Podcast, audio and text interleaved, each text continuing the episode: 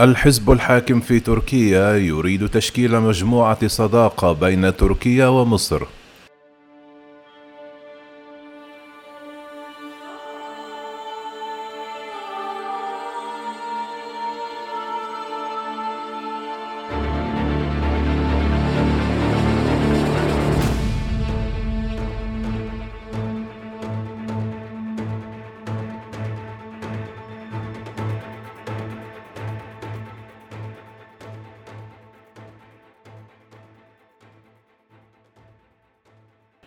قدم حزب العدالة والتنمية الحاكم في تركيا مقترحا لرئاسة البرلمان يتضمن تشكيل مجموعة صداقة بين تركيا ومصر وذلك وسط استمرار محاولات أنقرة إصلاح العلاقات مع القاهرة في مسعى لكسر عزلتها الدبلوماسية في شرق المتوسط.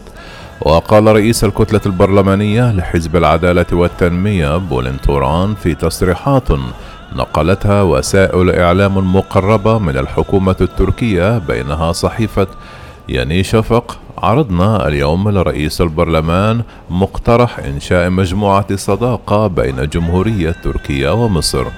ولم تتضح أي تفاصيل أخرى سواء عن أهداف مجموعة الصداقة والمسارات التي ستكون في صلب عملها. إن على الصعيد السياسي أو الاقتصادي.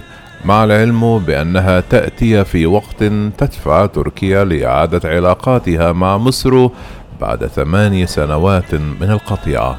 وقبل أسبوع أجرى وزير الخارجية مولود جويش أغلو محادثة هاتفية مع نظيره المصري سامح شكري وأعلن بعدها عزم بلاده إرسال هيئة دبلوماسية على مستوى مساعد وزير الخارجية لزيارة مصر في مايو القادم في هذا السياق؟ قال جويش أغلو التقيت كثيرا مع وزير الخارجية المصري في مناسبات عدة والعلاقات على مستوى الاستخبارات هي من مهد الطريق لعودة العلاقات بين البلدين.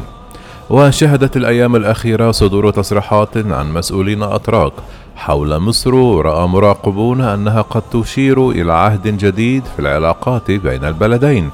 والتي تراجعت منذ الإطاحة بنظام الإخوان المسلمين في مصر عام 2013 إثر احتجاجات شعبية. وتقف أنقرة والقاهرة منذ ثمانية سنوات على طرفي نقيض وتشوب العلاقة بينهما ملفات عالقة في مقدمتها. ترسيم الحدود البحرية في شرق المتوسط الذي تتجه الأنظار إليه حاليا. إلى جانب ملفات أخرى منها اصطفاف كل طرف في تحالفات مضادة. كان لها أثر سلبي على الساحتين العربية والإقليمية في السنوات الماضية. ويضاف إليها قضايا شكلت أساس تأزم العلاقة وتتمثل في الموقف التركي. واستضافتها لقادة المعارضة المصرية والقيادات المحسوبة على حركة الإخوان المسلمين.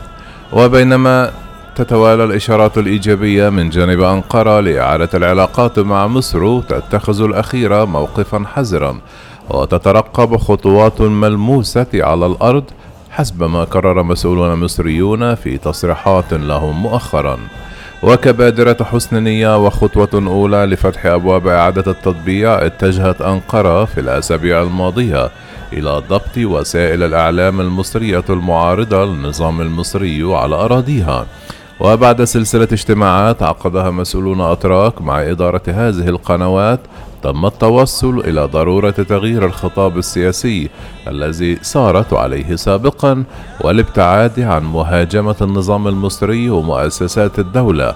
الأمر الذي تطور مؤخرا إلى توقف البرنامجين السياسيين الرئيسيين في قناتي الشرق ومكملين.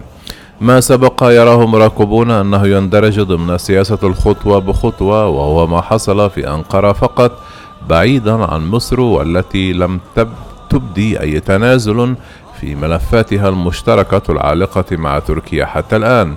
وحتى الآن تغيب أسباب الاندفاعة الكبرى من جانب أنقرة لإعادة العلاقات مع مصر بينما يرى مراقبون أن ذلك يندرج ضمن عمليات إعادة التموضع. التي بدأها أردوغان منذ أواخر العام الماضي.